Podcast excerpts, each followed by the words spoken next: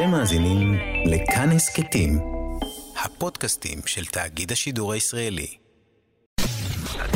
אתם מאזינים לכאן הסכתים, כאן הסכתים, הפודקאסטים של תאגיד השידור הישראלי. נגד הזרם, רועי חסן מארח.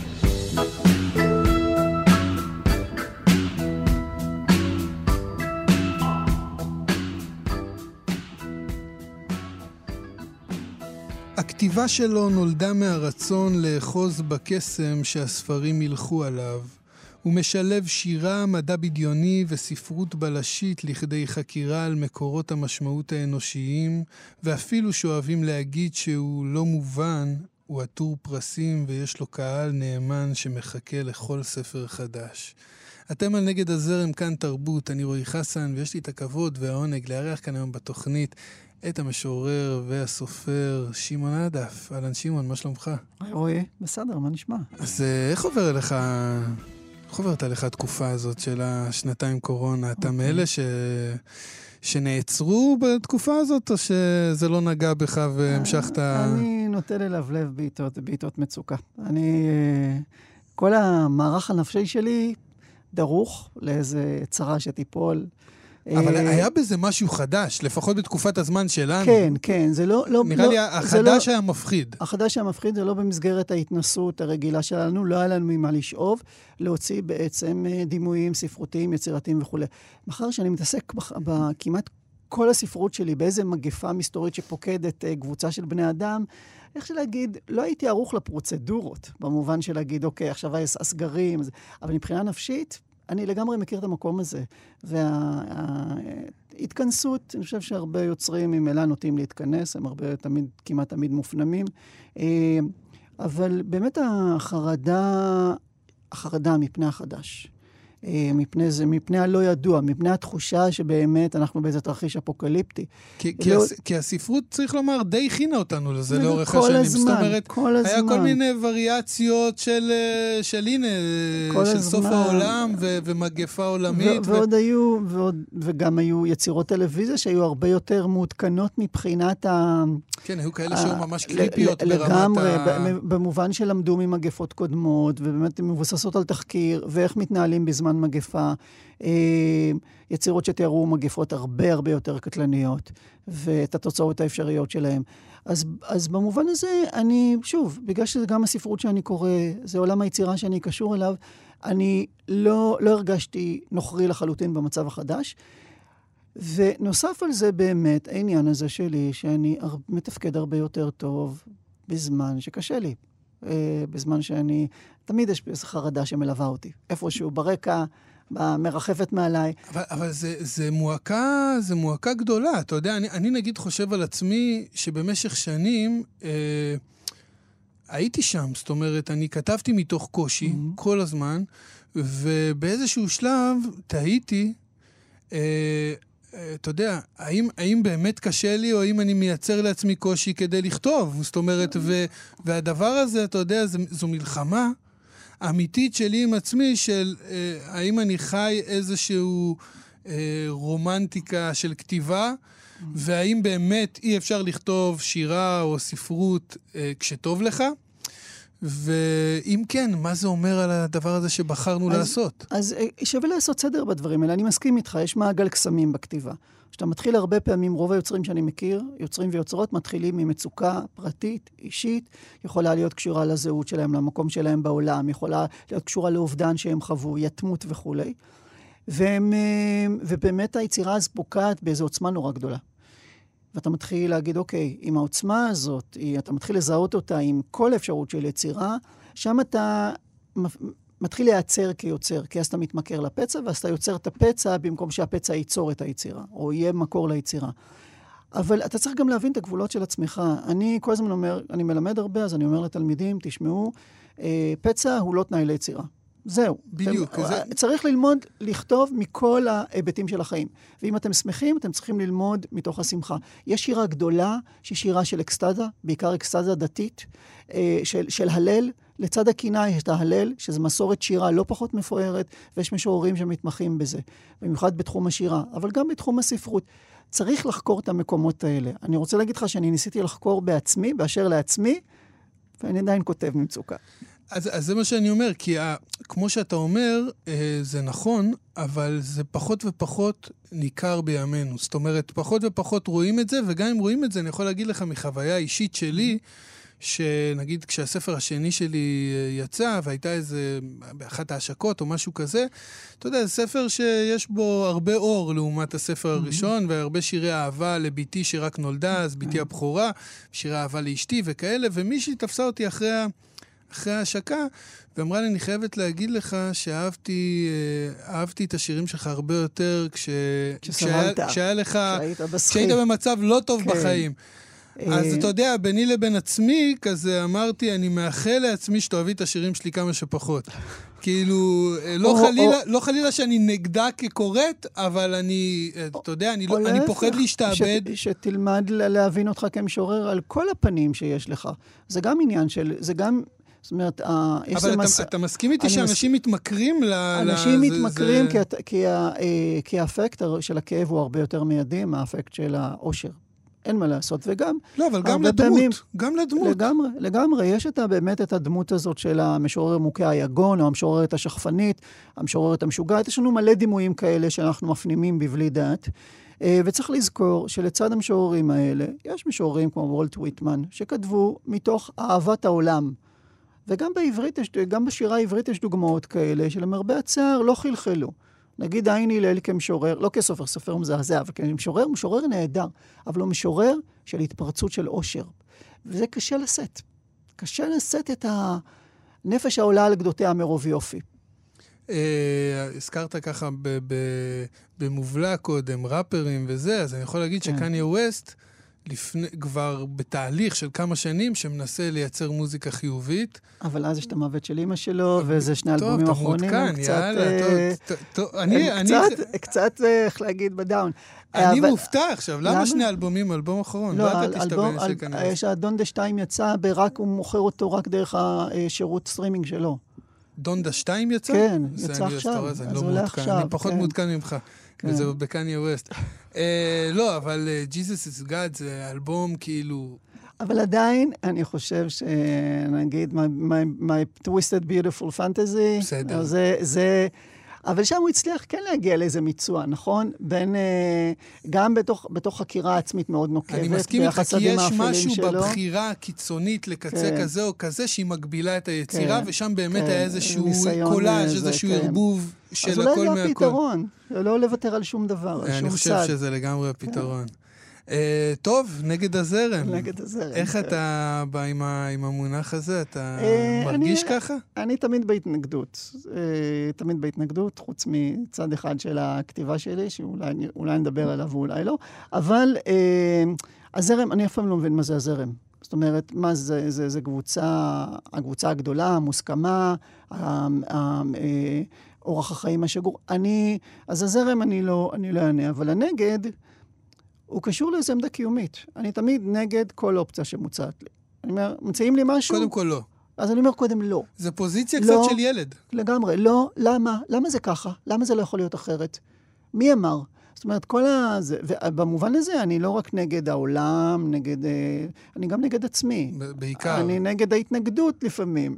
כשמתנגדים, אני אומר, למה אתם מתנגדים? מה, מה יש להתנגד פה? כי זה, תלוי, אוטומטי? זה תלוי מה תשמע באותו רגע. בדיוק, זאת אומרת, בדיוק. אתה בא פתוח לכאן או לכאן, זה תלוי מה. יופנה אליך, ואז, ואז אתה... אני בודק, לא, אבל אני תמיד שואל את השאלה, כל פעם שאומרים לי משהו, אז אני, באמת השאלה הראשונה שלי זה, אז למה זה ככה בעצם?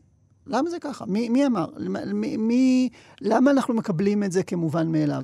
המובן מאליו הוא האויב שלי. במובן הזה אני נגד המובן מאליו. אם המובן מאליו הוא הזרם, אז אני נגד הזרם. לא, אבל תראה, אנחנו עכשיו מדברים על כן. הזרם. באמת, אם אנחנו מדברים במונחים של ספרות, אני מסכים איתך לגמרי שזה זרם קצת מדומיין, כי כן. אולי אם היינו מדברים בשנות ה-90, אולי היה איזה סוג של זרם.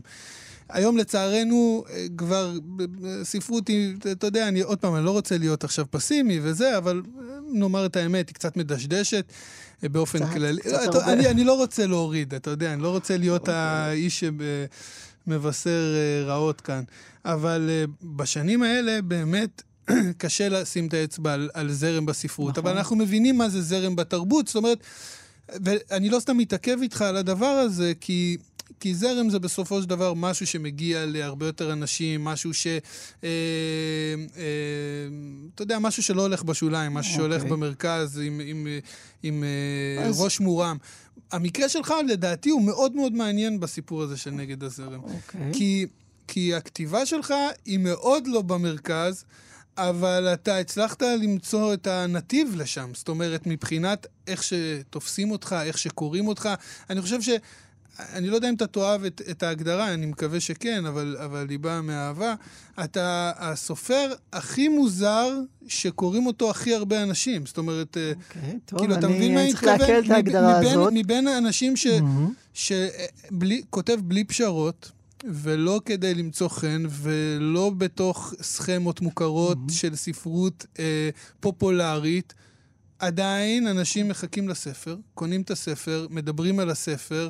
זאת אומרת, הוא לא נמצא אי שם ב- באזורים הנידחים של, של, אה, של ספרות לא מתפשרת. נוריד את המוזרה, אוקיי? אוקיי. תראה, אני... מוזרה דווקא אין לי בעיה לא, עם זה. אני גם לא, לי שאני לא, לא אני- מנסה להיות מוזר, אבל אני יודע שהרבה פעמים התוצאות של מה שאני, התוצאה, או האפקט, יש אפקט של מוזרות בכתיבה שלי, כי אני כן מעוניין בהזרה. ככלי להתבונן תראה, במציאות. גם כשאתה כותב רומן בלשי, הוא לא נקרא כמו רומן נכון, בלשי אני- שמכירים. אני לא- שמכירים. אני גם לא אז- רוצה- אז- אז פה המוזר כן. נכנס ל... אני, אני, אני אוהב אה, אה, סכמות, ג'אנרים כנקודת מוצא, אני לא אוהב אותם כנקודת סיום. זאת אומרת, זה לא נכון עד הסוף, כי נגיד יש ז'אנרים שאני מוכן לקרוא גם יצירות גרועות בהם, שלגמרי מצייתות לחוקים של הז'אנר. נגיד בספרות בלש, אין לי בעיה לקרוא יצירות לא טובות. גם, אבל... אבל- אני, אני גם לא מגדיר את עצמי, ל... לא מגביל את עצמי ל... להגדרות מסוימות. זאת אומרת, אני כן. בסופו של דבר מחליט אם אני אוהב את זה או לא. זה אבל, פחות... אבל זה עדיין, זה, יש, יש בכ- בכל זאת ניואנס, כי אני בודק את עצמי כל הזמן. ואני אומר לעצמי, אוקיי, אז למה, נגיד בספרות בלש, אני נהנה מעצם ההמחזה של הדרמה הבלשית, של הדרמה של הידיעה שיש בבלש, חקירה של העולם, גם אם היצירה מאוד לא טובה בעיניי. גם אני יכול לסגור את הספר ולהגיד, וואי, זה הגרוע, בזבזתי עכשיו שלוש שעות. אבל נגיד בספרות אימה, אני לא יכול ליהנות מס- מסיפור אימה גרוע.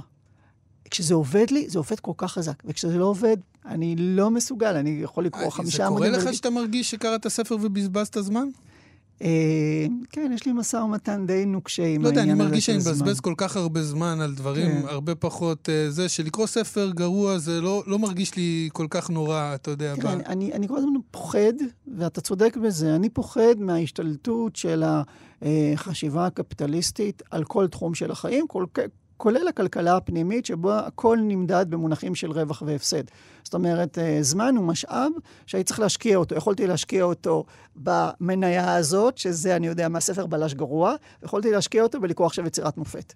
ובגלל שהשקעתי אותו בספר בלש גרוע, אז עכשיו אני בעצם הפסדתי, כי אבל יודע- יכולתי, אבל התשואה יודע- הייתה יותר גדולה. אני מסכים. אבל אתה יודע שאתה אבל- לא, גם אם אני אתן לך, אם אני אה, אה, אכנס לדמות של אלוהים לרגע, אפרופו קניה ווסט, כן. ואתן לך אה, כמה גלגולי חיים, אתה לא תספיק לקרוא את כל נכון, יצירות המופת. נכון. זאת אומרת, תמיד תפספס אבל- בדרך אבל- יצירות מופת. אבל. ואז זה וזה- הופך, הופך את ההחלטה להרבה יותר דוחקת. אה, לא בטוח. לא בטוח? זה, לא בטוח, כי זה תראה. חלק מהעניין של להגיע לטוב, אתה צריך לעבור דרך, אתה יודע. תראה, ל- יש אתה לי- יודע, יש- אני, אני, סליחה שאני... לא, אין זה, בעיה. לא, אני, אתה יודע, גם מתלוננים על זה על מה? מאזינים, שאני לא נותן לאורחים שלי לדבר. לא, זה שיחה. בדיוק. מה זאת אומרת? זה גם מה שאני אומר. אוקיי. אה, אתה יודע, אה, בעניין הזה אני אומר, אין לי בעיה לקרוא ספרים אה, לא טובים, כי, כי אני יוצא מנקודת הנחה אולי לא ממש הוגנת, אבל היא, היא באמת כנה מבחינתי, שהרוב די בינוני. נכון, נכון. זאת אומרת, אם אני אצא מנקודת הנחה שאני רוצה לקרוא רק ספרות מופת וכל השאר זה בזבוז זמן, אני אפסיק לקרוא ספרים, ואני אעדיף לא לעשות בטוח, דברים אחרים לא עם בטוח. הזמן זה, שלי. זה יצמצם אותך באיזשהו אופן. אה, אתה יודע, זה כמו אנשים שאומרים, אני שומע רק מוזיקה קלאסית. אה, כמה מוזיקה אתם מפסידים בזה שאתם שומעים רק מוזיקה קלאסית. ואני יכול גם מצד שני להבין את העמדה הזאת. זאת אומרת, אני חושב ש... אה, אה, שלשמוע רק, או לקרוא רק דברים מסוג מסוים, מצמצם אותך כאדם, מצמצם את ההוויה שלך בעולם. אבל זו בחירה ש, ש, שאתה רוצה לעשות, אפילו, אפילו יצירות מופת. זאת אומרת, יצירות מופת, הרבה פעמים זה קלאסיקות שהן אה, שייכות לתדר מסוים של ההוויה. יש מעט מאוד יצירות שאתה אומר, אוקיי, בסדר, הן חוקרות את כל הצדדים. יש דברים שהספרות הפופולרית... אה, מצטיינת בעיסוק בהם יותר מאשר, וזה אולי צדדים של ההוויה שיצירות מופת נוטות להזניח. אבל, וגם, אנחנו יכולים להתווכח על מה זה יצירות מופת. אתה יודע, אני, אני, אני כולם נורא אוהבים את דיקנס, תאהבו את דיקנס, אני לא סובל אותו, לא סובל אותו. אני בטוח שאם אנחנו ניכנס לוויכוח הזה, אנחנו לא נגמור, ברור, כי זה... ברור, אז, אז זה גם עוד משהו, זאת אומרת, מה זה, מה זה לקרוא יצירות מופת? אה, זה, בסוף אבל, זה החלטות שלך, אבל כאילו, יש, יש, אתה, אתה מרגיש את ה... אבל יש ספרים שאני יודע שהם מחכים לי, והם מחכים לרגע הנכון, ואני פוחד שאני אפספס את הרגע הזה, כי, זה, כי, כי הפעמים ש... קרה לי הנס הזה, שפה פגשתי את הספר הנכון ברגע הנכון, הם היו רגעים של שכלול, שפתאום הבנתי משהו לגבי עצמי, הבנתי משהו לגבי הכתיבה. ולצערי הם קורים פחות פחות ככל שהם מתבגרים. אז כן, אני חי בך... זהב, אבל כן. למה אתה חושב שהם קורים פחות? כי משהו בנו אה, מתקיים? כן, כי אנחנו, אנחנו נסגרים, כן. אני חושב שהתודעה שלנו פחות, אה, מוכן, פחות גמישה. אני, אני יכול להבין על מה אתה מדבר. אני יכול להבין כן. על מה אתה מדבר. Uh, כן, יש, יש משהו בנעורים וב, ובצעירות הזאת, שהיא הרבה מעבר למה שאפשר לראות בעיניים. זאת כן. אומרת, היא, היא, היא עובדת עלינו נפשית. כן. Uh, טוב, אתה, אתה הזכרת קודם שבהכל אתה נגד הזרם, חוץ מאספקט, אם, כן. אני, אם אני זוכר נכון, כן, ככה כן, אמרת, כן. אספקט כן. מסוים של הכתיבה. כן. אז uh, השארת אותנו במתח. זה כזה, זה לא כזה במתח. האמת שזה... אה, אני מרבה לחזור ולכתוב על אה, שדרות, שזה אה, אה, עיירה שהפכה להיות עיר שגדלתי בה, ומרבה לכתוב על הסביבה, בוא נגיד, של האנשים, הסביבה האנושית, או לפחות שה... שאני, שזכורה לי ממנה, שאני עדיין איתה במשא ומתן. וזה סוג של חיים שאני לא יכול לכתוב נגדו, במובן של אני, אני, אני לא יכול גם להציב אותו בעמדה של התנגדות. במובן של אה, מה שמעניין אותי זה לחקור בצורה לא לעומתית לחלוטין את החיים האלה, על כל הניואנסים שלהם. במובן שלא להציב אותם מנגד לחיים אחרים ולהגיד... אה, אבל גם אה, לא לעשות להם יופימיזם כזה, ממש לא... ממש לא ליפף אותם, ולא זה להפך. להראות האנשים במלוא המורכבות שלהם, עם כל הצדדים האפלים שלהם, עם כל הצדדים הדכאניים בעצמם שלהם, וגם עם הצדדים המדוכאים, שהם מדוכאים על ידי החברה, על ידי הפוליטיקה וכולי. אבל לא להעמיד אותם כאיזה סוג של דימוי שהוא כולו, אה, איך להגיד, אה, שאוב מהנרטיב של המנצחים או של המדכאים. זהו. כן, לא, לא, לא תוצר של לא, משהו. לא, לא כהתנגדות... או לא ל... רק תוצר של לא משהו. לא רק תוצר, לא כהתנגדות לנרטיב הקיים. אני אגיד לך משהו כן. בתור מישהו ש... לפעמים אוחז בקצה השני כן, של החבל. אני יודע. בגלל זה ניסחתי את עצמי אה, לא, בזהירות. לא, לא, לא כביקורת, אלא כהעדפה. להיזהר ממני אתה לא צריך. כן. אה, בטוח. בעניין הזה אני יכול להגיד לך שאני אגיד דבר והיפוכו. שבאמת, הפוזיציה הזאת שאתה הצגת כרגע, הציבה אותך באיזשהו מקום מסוים של, אתה יודע, של נגיד, אה, אפשר לקבל את זה, כי הוא לא בא נגדנו, זאת אומרת, זה לא, זה לא פוליטי, אני, אני עוד פעם, אני עוד פעם, עוד, עוד, עוד מעט בא היפוכו. כן. זה לא פוליטי, וזה לא עם אצבע מאשימה, וזה לא... מצד שני, אני יכול להגיד לך, עוד פעם, אני לא, לא, לא יודע, אני לא מתיימר לומר שזה ה, אה, הכוונה הראשונית שלך, אבל אני יכול להגיד לך שיש בזה משהו סופר מתקדם פוליטי, mm-hmm. כי הגישה הזאת של לכתוב על, על החברה שממנה אתה בא, שהיא חברה שוליים, בוא נגיד, בתרכובת הישראלית לצורך העניין, אה, היא, היא, היא השלב הכי מתקדם בעצם ב, בתרבות של האפרו-אמריקאים בארצות הברית. לגמרי, זה... שהרגע שבו הם הצליחו באמת לשכלל את התרבות שלהם ולשדרג אותה, הייתה ברגע הזה שבו הם הפסיקו להתעסק באדם את- הלבן. אתה יודע ב- ממי הבנתי את זה זאת אומרת, בעצם? וזה, וזה, וזו תפיסה שהיא, עוד פעם, לא יודע אם זו לא, הכוונה, לא, אני, אבל אני, זה אני סופר רוצה, פוליטי. אני רוצה להגיד לך, זה, זה, זה לגמרי של הרגע הזה, ואני שומע, אני שומע הרבה, כי מה שאחד ה... אה, בוא נגיד, המגמות שהכי מעניינות אותי בספרות, וגם עניינו אותי במשך שנים בספרות ספקולטיבית, או ספרות מדע בדיוני, זה מה שנקרא אפרו-פוטוריזם. שהאב המייסד שלו זה סמואל דילייני, שלא ניסה לייסד את האפרו-פוטוריזם. כל מה שהוא אמר, אני בחור שחור שכותב מדע בדיוני, והוא גם קוויר נוסף לכל, אז עוד יותר, מה שמעניין אותי זה לייצג את ההוויה שלי במדע בדיוני, בלי לשאול איזה בדיוק מנג- מנגנונים מדכאים אותי פה, כי אני ממציא את המציאות עכשיו. אני לא יכול לחלום על עוד מציאות שבה אני, שבה אני משועבד. אני צריך להמציא, אני צריך לחלום על מציאות שבה אני לגמרי כל מה שאני יכול להיות. ו- יש- יש והוא- גם- יש ובול, וג'יימס בולדווין, שכותב על זה, כותב, אוקיי, אם, אם נפתח שפה של אלימות והתנגדות, מה יהיה על החסד? האם זה אומר שהאדם השחור צריך להיות, לוותר על האפשרות של החסד בעולם, כי הוא כל הזמן, כל הזמן נמצא בהתנגדות ובמאבק?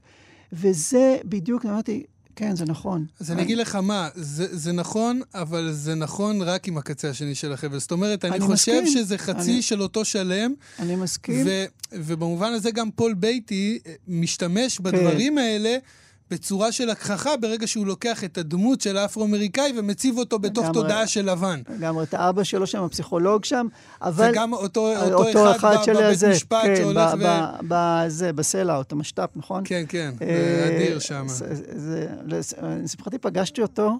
אשכרה. אה, הוא היה בישראל, בפסטיבל הסופרים הבינלאומי, ואני... אה, זה היה מפגש מאוד הזוי, כי אה, הם ביקשו ממני לעשות איתו שיחה על סרט שהוא אוהב, שהקרינו, ובסוף השיחה הסרט יוק- הסרט יוקרן. מה- מה מה הסרט אתה חושב שהוא בחר? שהוא בחר. כן. טוב, זה בטח יהיה משהו לא צפוי. הייתי אומר ממש. ספייק לי, אם אני הולך על צפוי, אם לא צפוי, אז לא, זה... לא. אה, שובו של הדרקון של ברוסלי. הוא... טוב, זה גם לא... אתה זה יודע מה? זה לא כזה זה לא מופרך. כזה מופרך, אבל זה גם זה, ודיברנו על זה, דיברנו על הצורה שבה הסרטים, הסרטי ה... אמרתי לו, גם, גם אצלי בנעורים, זה מה שצפו, זה וסרטי, אולי סרטי בורקס, אמרתי לו, זה גם כמו... יש חיבור מאוד חזק Black- תרבותי של... Black אה, Plotation, כאילו, של. אפרו-אמריקאים עם ה- עם לגמרי, התרבות של לגמרי, הקונג פו וכל בדיוק, זה. אז דיברנו על זה. הוא אמר, האמת. הוא אמר, כן, הוא אמר שהוא פשוט, זה, זה הסרט שהיה הכי אהוב על אמא שלו, אמרתי לו, תשמע, זה סרט גרוע. אומר, לא, הוא זכור לי כסרט טוב. זה לא באמת משנה. זה סרט גרוע. אבל זה השאלה, זה באמת משנה אם זה סרט גרוע? אה, אם זה לא, לא, זה יושב לו בראש בתור הסרט שאימא שלו לא- הכי אהבה. זה לא משנה, אבל. הוא צפה בסרט שוב לפני ואמר לי, אתה צודק, סרט גרוע. אבל מה שמדהים בפול בייטי, שהבן אדם מיזנטרופ. אשכרה. הוא שונא את כולם, זה היה מדהים, כאילו, הוא צוחק על כולם. הוא בעמדה, שזה גם עמדה מאוד בעייתית וקשה מבחינה פוליטית, להיות במקום שבו אתה מלגלג על כולם. זה גם מאוד לא אומר- של הזמנים האלה. זאת לגמרי, אומרת, זה בוא נגיד, לפני-. עד לפני 30-40 אבל- שנה זה עוד היה בונטון אבל בעולם הכל, האומנות. הכל מצחיק אותו, הכל נראה לו אבסורדי. ואתה רואה את זה בספרים שלו. במובן הזה, אני מאוד אוהב אותו. כן, גם אני. נגד הזרם. שאלה קצת אה, אולי מוזרה ואולי לא, כי אותי כן מעסיקה בתור אדם אה, כותב. אתה, יש לך איזו היררכיה לגבי איך שאתה תופס את עצמך מבחינת אתה קודם משורר, קודם סופר, אתה כותב? איך אתה מגדיר את זה? זהו, אני... יש הגדרה? אה, היו, כן, יש הגדרה שעברה אבולוציה, אני חושב ש... כי התחלת קודם עם שירה, נכון? כן, התחלתי עם שירה, ואז uh, אמרתי שאני לא משורר, אלא כותב שירים, ואחרי זה עברתי לספרות, ואמרתי שאני לא סופר, אני כותב. והיום אני פשוט, uh, אני מגדיר את עצמי כיוצר או אמן, אני לא יודע איך... Uh, ל, uh, אני חושב שיוצר זה ההגדרה הכי טובה, ואני לא מאמין יותר שאני צריך, שהתווית הזאת, או לפחות ההגדרה הזאת, מוגבלת לסוג מסוים של פעילות שלי. זאת אומרת, uh, אני רוצה להיות יוצר בכל, בכל הדברים שאני עושה בעולם. זאת אומרת, אני לא רוצה, זאת אומרת, אם אני כותב שירה, אני יכול להפריד בין שירה לפרוזה למוזיקה, אבל כבר לא, אין גבולות אצלי. אי אפשר לשאת את זה, את, ה, את, ה, את תחושת המחנק הזאת שזה מכניס לגמרי, אותך. זאת לגמרי. אומרת, אה, אתה יודע, אני, אני נגיד, אני אוהב כל כך הרבה דברים, וכל כך הרבה דברים מעניינים אותי, ואני רוצה לעשות כל כך הרבה כן. דברים, וכל פעם אני מרגיש שיש איזה עין כזה מבחוץ שאומרת לי, לא, אתה ככה. ואני יש, אני, אני, יש. אני לא מוכן לשחק את המשחק הזה. טוב מאוד, גם לא צריך לשחק אותו, אני לא מבין למה. זאת אומרת, מה העניין? אני, אני כן, אתה יודע, יש אנשים ששירה זה העולם שלהם לבד, בלבד, הם קוראים גם רק שירה, הם לא מסוגלים להביע את עצמם אלא בשירה, שזה טוב מאוד. אבל לצד האנשים האלה, אני חושב שיש גם יוצרים, כמוך, כמוני, ש... היצירה שלהם מתפשטת. היא לא... העובדה ש... שכתבתי ספר שירה לא אומר שהשירה לא יכולה להוביל לפרוזה, או הפרוזה תוביל למוזיקה. זאת אומרת, שלעצור אני... איפשהו באמצע ולהגיד, אוקיי, אני לא עושה את זה. ולהפך, רוב הספרים שאני כותב, הם תבין, תמיד כבר מלווים בעוד פעילות אחרת. נגיד, אה, בשיר שאני עושה עם חיים רחמני, או אלבום שאני עושה איתו, שמלווה... אבל, אבל זה בדיוק הדבר הפרויקט. הזה, בדיוק הדבר הזה, זה צד אחד של למה אולי אנשים שכותבים שירה, אה, נמנע, אה, או כל כך מתעקשים אולי על הפוזיציה של המשורר. כי ב, ב, בצורה שאני לא, לא, יכול, לא מצליח להבין, כן? אה, יש איזו תפיסה של פחיתות כבוד בלכתוב uh, פזמון, בלכתוב... Uh, כי, כי אני יודע שגם אתה עושה את זה, כן. גם אני עושה את זה. יש עוד מעט יש. משוררים בודדים שבאמת עובדים עם מוזיקאים, ו... כן. אני מבחינתי, איפה שאומרים לי יש מוזיקה, אני בא. הרבה, הרבה משוררים רוצים שילחינו אותם, כי הם חושבים שככה הם יגיעו לקהל יותר גדול, וככה גם יזכרו את השירים שלהם, כי אין מה לעשות. כשאתה שומע שיר, אתה זוכר את המילים יותר טוב מאשר כשאתה קורא אותו או שאתה משנן אותו. אה, ואני מכיר את זה מלא מעט משוררים שזה החלום שלהם. והם שואלים אותי, איך הגעת לזה, איך הגעתי לזה, איך הגעתי... אה, לא הגעתי. לא, אני פשוט פתוח. אני פתוח להצעות האלה. גם לא- מרגישים לא, את זה. אתה יודע, לא מרגישים עוצר. אותך. אז אם, אם, אם ברי סחרוף בא ומביא לי לחן ואומר לי, תנסה לכתוב על זה משהו, אני לא אגיד, ברי, אולי תיקח שיר שלי ותלחין אותו. כן. לא, אני מנסה גם את זה, ואני לומד מזה, אני לומד משהו על איך אני כותב. אני uh, כותב לכנסיית השכל, אז אני יושב עם יורם לפעמים, ואומר, אוקיי, יורם, בוא... בכל בוא... אלבום שלהם יש שיר שלך, כן, נכון? כן, כן. וה... בוא, בוא נחשוב מה, מה הפעם. Uh, ואני אוהב את זה, אני אוהב את השיתופי פעולה האלה. אני בכלל, אני חושב שזה גם עוד, עוד עניין של לאהוב שיתופי פעולה. אני חושב שיש בדיוק. את העניין השליטה הזאת שקשורה ליצירה, ורק אני עם היצירה שלי. זה קצת לא. לצאת מהשריון הזה כן. של, ה, של הצו, של, כן. המשור, של המשורר או הסופר שיושב uh, מול המחשב או מול ה... וכן, וגם בסופו של דבר, אתה יודע, אני, לך אני לא צריך לספר, אבל אם אתה כותב לאומן אחר, אתה מביא גם את האומן הזה בחשבון, את הקול שלו, הקול שלה, איך המילים אותו. יושבות בגרון, מה, מה סביר שהם ישירו ומה לא סביר שהם ישירו. ולא תמיד נוח למשוררים לצאת מהאור שלהם, שזה מאוד מוזר. נכון, ו- אבל, אבל זה אני אומר, זה כאילו, יש בזה איזשהו אתגר שהוא מאוד כיף, הוא מחיה. כן. כי הוא גם מוציא אותך קצת מה, מהאזורים שלך. לגמרי, זה מאתגר אותך כל הזמן, ואני תמיד רוצה להיות מאותגר, אני תמיד מאתגר את עצמי. במובן הזה, אני... אה, טוב, כולנו השתעבדנו לווייז, ואני לא כל כך אוהב לנהוג, אז זו דוגמה לא טובה. אני רישיון. אוקיי, אז אתה בכלל. אבל נגיד, אני כן מתנייד הרבה ברגל, תחבורה ציבורית. אני די דואג שלא לדבוק במסלול אחד. כי אני, אתה יודע, אני פעם הלכתי מפה, עכשיו אני רוצה ללכת מהצד השני. אני רוצה להבין מה קורה לי כשאני הולך מהצד השני. לזה אני מתכוון שה... זו דוגמה מאוד קטנה, פעוטה אפילו, של... אני כל הזמן בחישוב מחדש של, ה... של הקיום שלי. ובמובן הזה, מבחינתי, זה, זה להיות יוצר. זאת אומרת, שאתה חי את החיים שלך כמי שמוכן אה, לנסות כל פעם צורה אחרת של, ה, של מה שהוא עושה. אמ, אז אני לא יכול להגיד, אוקיי, שירה, אוקיי, לקחתי את הנושא הזה, אתה יודע מה, הנה, כתבתי שורה של רומנים, אני יכול כבר לראות מוטיבים שחוזרים. ואני שואל את עצמי, אם אילו הייתי כותב, נגיד שהייתי רוצה לעשות את הפרויקט הזה בשירה ולהתעסק באותם מוטיבים, איך הייתי עושה את זה? זה באמת אתגר, כי אתה כאילו רגיל להתחיל לחשוב על פרוזה ה... אחת ועל שירה, ולהגיד, אוקיי, איך הם מתחברים? איפה הם מתחברים? למה הם מתחברים כמו שהם מתחברים? לי יש, לי יש את זה לפעמים בקריאה של פרוזה. אתה יודע שאני, לפעמים יש ספרי פרוזה שאני לא מצליח לא לקרוא אותם כשירה. זאת אומרת, ממש מפרק את המשפטים לשירה, ואפילו זה... עושה, את ה, עושה את השיר, אבל זה לא קורה עם, עם רובם, כן? כן, כשזה קורה. בפרוזה, זה בדרך כלל פרוזה בשיאים שלה. ותראה, למר... אני, אני חושב שכשקוראים, ומעניין היחסים הלא סימטריים בין שירה לפרוזה בעניין הזה, כשאתה קורא אה, פרוזה ואתה מגיע לפסקה שעובדת לך כמו שירה, אתה אומר, הגעתי לרגע חשוב, אבל כשאתה קורא שירה והיא עובדת לך כמו פרוזה, אתה מרגיש קצת מרומה, נכון? לי אין בעיה אין לך בעיה עם זה? להפך. אני קשה לי עם אתה זה. יודע, אה, עוד פעם, אולי בגלל הש... הסוג שירה שאני אוהב, או לפחות הסוג שירה ש... שבזכותה התחברתי לדבר הזה אוקיי. של שירה. כי, אתה יודע, בסופו של דבר, כשמגיעים ממוז... מ... מ... מ... פואטיקה אמריקאית, אה, מודרנית, אתה נתקל ב... אתה נת- בשירת כן, אבל- פרוזה כל הזמן, אבל זה זה, לא... זה, זה גם, אבל זה גם בגלל השפה האנגלית. ואתה יודע, וכשאתה מרגיש את זה, אתה מרגיש את זה, ואף אחד לא יכול לספר אבל- לך שזה לא אבל- שירה. אתה מבין מה אני, אני מתכוון? אני, אני, לא, אני לא עכשיו נכנס להגדרות של שירה לא שירה, ואני רוצה להגיד משהו על הקשר בין השירה שאתה כותב לבין השפה שאתה כותב בה. בשפה, בעיקר באמריקאית, כאילו לא האנג- האנגלית האמריקאית, יש משהו פרוזאי. אני חושב שזה לא סתם שה...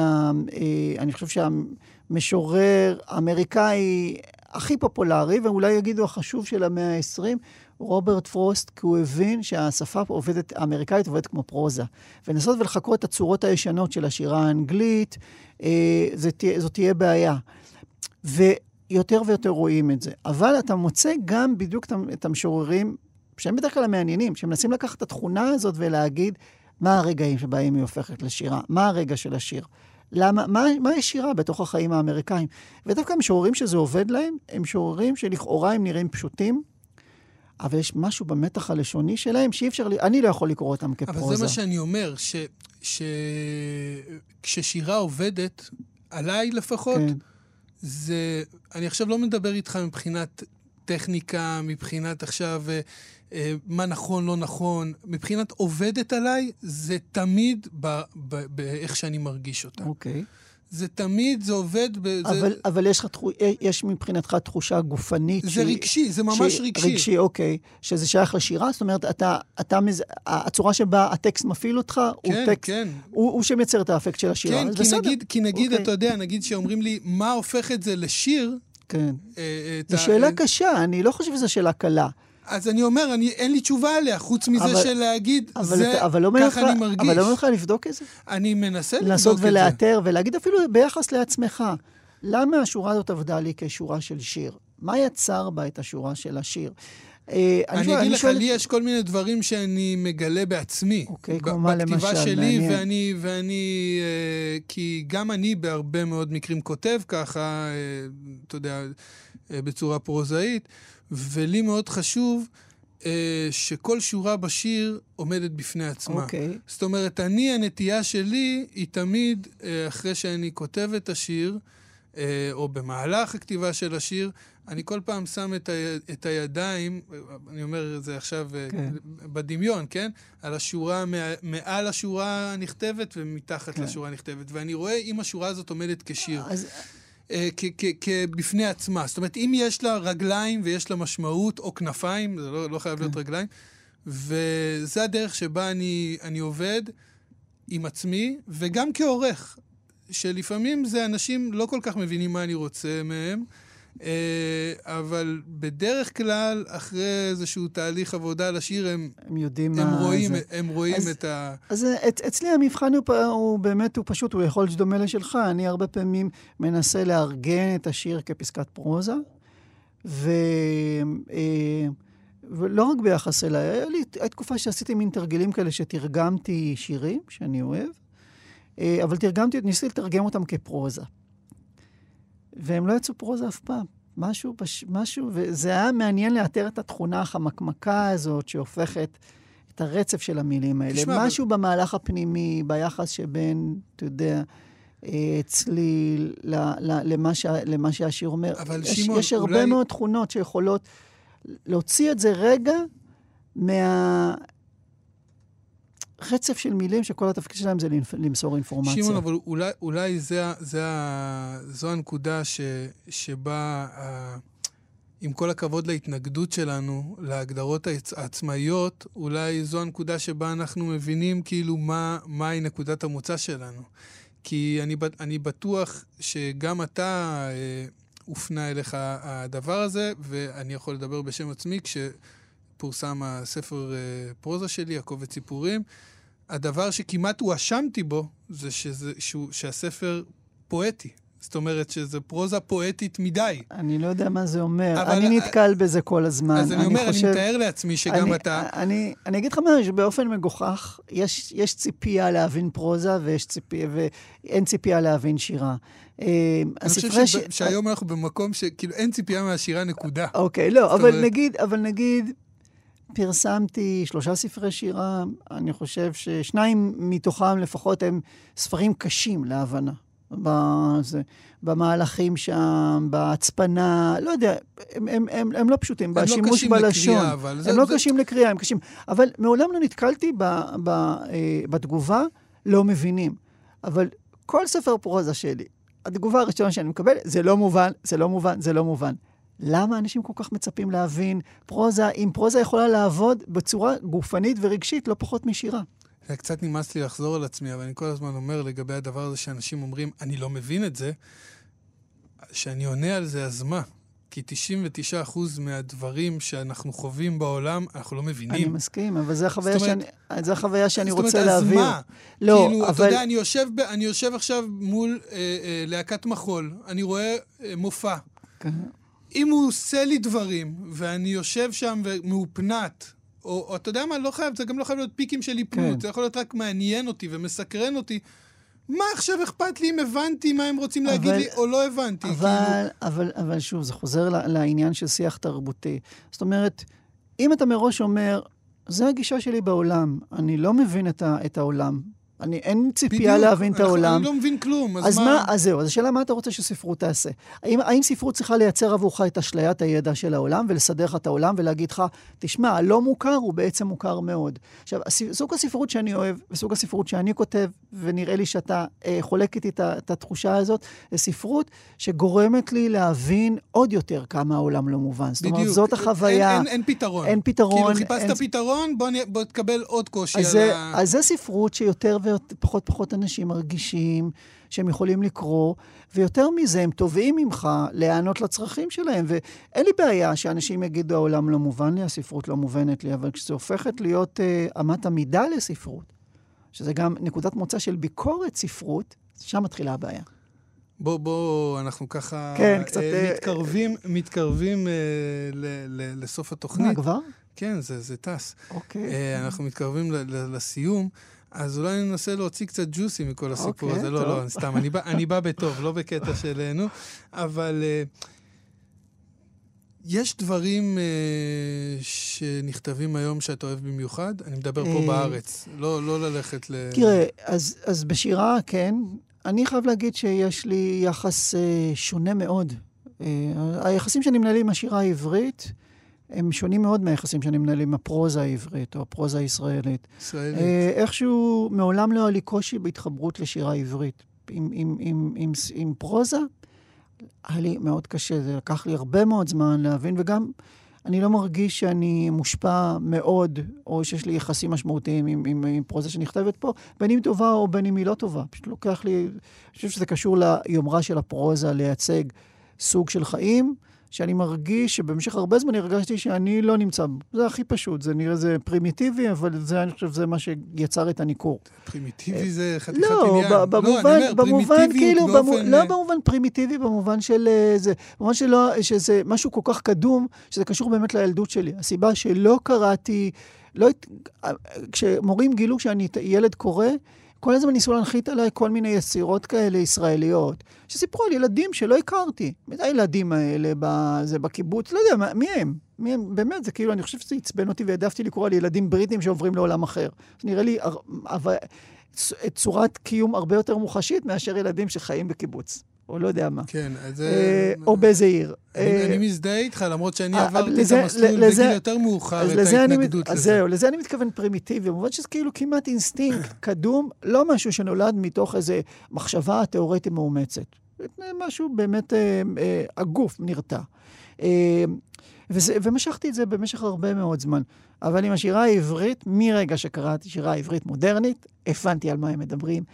כי אני חושב שגם בסופו של דבר, הפרוזה כל הזמן ניסתה לייצג את המציאות פה, ולייצר איזו אשליה של מקום שקיים באמת, בזמן שהשירה הבינה שהכל מתפרק, וכל מה שהיא ניסתה זה לייצג את חוויית הפירוק.